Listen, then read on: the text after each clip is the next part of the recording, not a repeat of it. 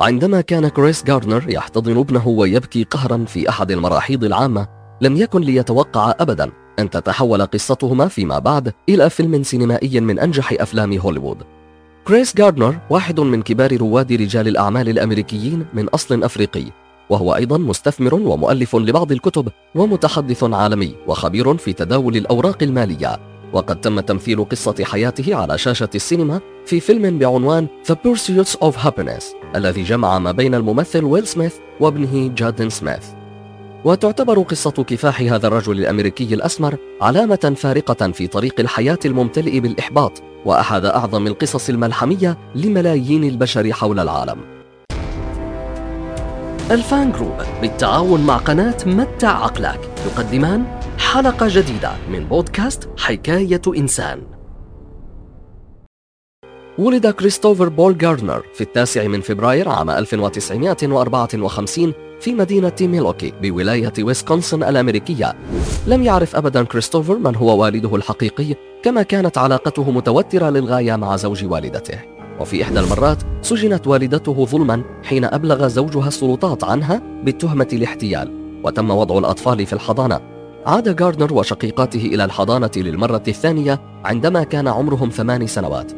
عندما أدينت الأم دون علم منهم في محاولة لقتل زوجها بواسطة حرق المنزل بينما كان في الداخل وهو ما يلخص حياة جاردنر في الطفولة حيث لم يكن لديه أب أو مثل أعلى ليقتدي به. ولهذا عمل جاردنر على تقوية علاقته بعمه الذي كان يعمل في الجيش وهو ما أعطاه سببا قويا للتحول إلى شخص جيد. وعلى الرغم من محاولاته البائسة للبحث عن مستقبل مشرق قضى جاردنر معظم حياته غارقا في شرب الكحول حيث عبر جاردنر عن هذه الفترة المضطربة من حياته قائلا قضيت طفولتي غارقا في شرب الكحول حيث تعرضت لإساءة المعاملة واستغلالي. كما قضيت هذه الفترة في التأثر بالعنف المنزلي والفقر والجهل وكنت خائفا كثيرا. لقد استمر جاردنر في معاندة الحياة رافضا أن يتم السيطرة عليه من قبل هذه المشاعر المختلطة السيئة.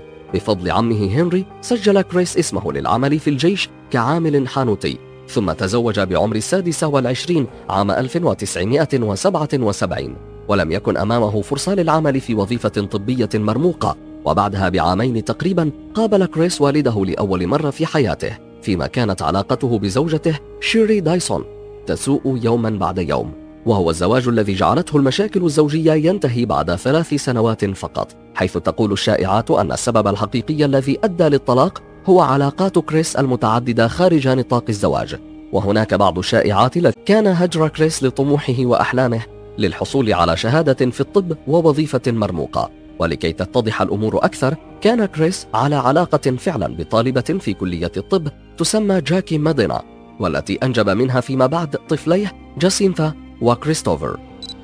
بقي كريس مع ابنه ذي السنوات الخمس لمواجهة الحياة لوحدهما. لا أصدقاء ولا أهل يمكنهم المساعدة.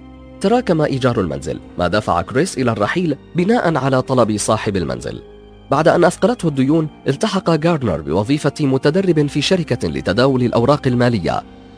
ولكنه كان مشردا وقتها وليس لديه أي مكان ليعيش فيه. هو وابنه الصغير. فاضطر وقتها إلى النوم في كافة الأماكن المحتملة. كمحطات القطارات والمترو والحمامات العامة في مدينة سان فرانسيسكو. وقد كان كريس دائما يؤمن أنه في حالة بحث وسعي ولذلك كان عليه دوما التحرك مهما كانت الظروف. بعد عام من التدريب في ظل هذه الظروف الصعبة استطاع كريس أن يحصل على الوظيفة إلا أنه لم يستطع أن يبقي ابنه للعيش معه في شقته الجديدة لأنها كانت شقة للعاملين ولم يتمكن من اصطحاب الأطفال معه. ولم يكن اصطحاب الأطفال معهم مسموحا به. وقد كان الأمر صعبا عليه حيث وعد نفسه أن يكون أبا جيدا على عكس ما عانى منه وعاش في طفولته. لذلك رفض أن يترك ابنه. لم يكن أي أحد يدرك أن كريس وابنه لا مأوى لهم وبأنهم ينامون في الحدائق العامة وفي المواصلات بعد أن ينهي كريس عمله. وقد تحولت حياته رأسا على عقب عندما قابل سمسارا في البورصة ووقتها قرر كريس أن يقدم على منحة تدريبية للعمل كسمسار في البورصة من خلال شركة E.F. Hutton لتداول الأوراق المالية. بعدها بأعوام قليلة وبرأس مال بسيط يقدر بحوالي عشرة آلاف دولار افتتح كريس جاردنر شركته الخاصة لتبادل الأوراق المالية مع شريكته وحبيبته السابقة جاكي التي أنجب منها طفلا آخر وهي جاسينتا جاردنر يعتز كريس جاردنر بماضيه كثيرا رغم الصعوبات التي واجهته وهو لا يحاول أبدا أن ينساه واضعا في عين الاعتبار أن ما من لحظة في ماضيه يمكن المساومة عليها لأنها باختصار تشكل هويته وما أصبح المستقبل عليه الآن.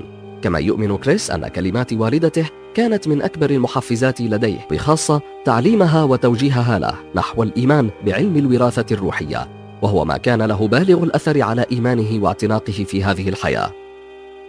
باع جاردنر حصته ونصيبه من شركته في عام 2006 مقابل صفقة تقدر بالملايين وتقدر ثروته حاليا بحوالي 60 مليون دولار وهو المبلغ المثير للجدل حقا بالنسبة لسمسار البورصة الفقير المشرد والذي استطاع أن يؤسس شركة كريستوفر جاردنر انترناشونال هولدينجز وبما أنه ذاق مرارة التشرد والفقر فقد استثمر المليونير بعض نقوده في المشروع الضخم الذي تم تنفيذه في مدينة سان فرانسيسكو والذي بلغ تمويله حوالي 50 مليون دولار. من أجل إيواء المشردين وتوفير فرص عمل حقيقية لهم. من أقوال كريس جاردنر إذا كان لديك حلم فعليك بحمايته. فالناس إن فشلوا في تحقيق أمر ما صرحوا لك بأنك ستفشل في تحقيقه أنت الآخر. لو حقا أردت شيئا فلتذهب لتأخذه ولا تجعل أحدا يقول لك غير هذا أبدا. تحولت قصة المكافح كريس جاردنر إلى فيلم سينمائي شهير بعنوان السعي وراء السعادة. بطولة الرائع ويل سميث الذي استطاع أن يجسد شخصية جاردنر ببراعة ويقدم لنا مثالا صارخا لمدى الإيجابية القادرة على دفع الإنسان نحو قمة الإنجاز والعطاء. يقول جاردنر وفقا للظروف التي عشت ونشأت بها فقد كان مقررا لي أن أكون مشردا مدمنا أو شخصا يهين زوجته وأبنائه وعاطل عن العمل أيضا لكني اتخذت خيارات إيجابية. اخترت الطريق الصحيح أن أسير في الطريق نحو الضوء.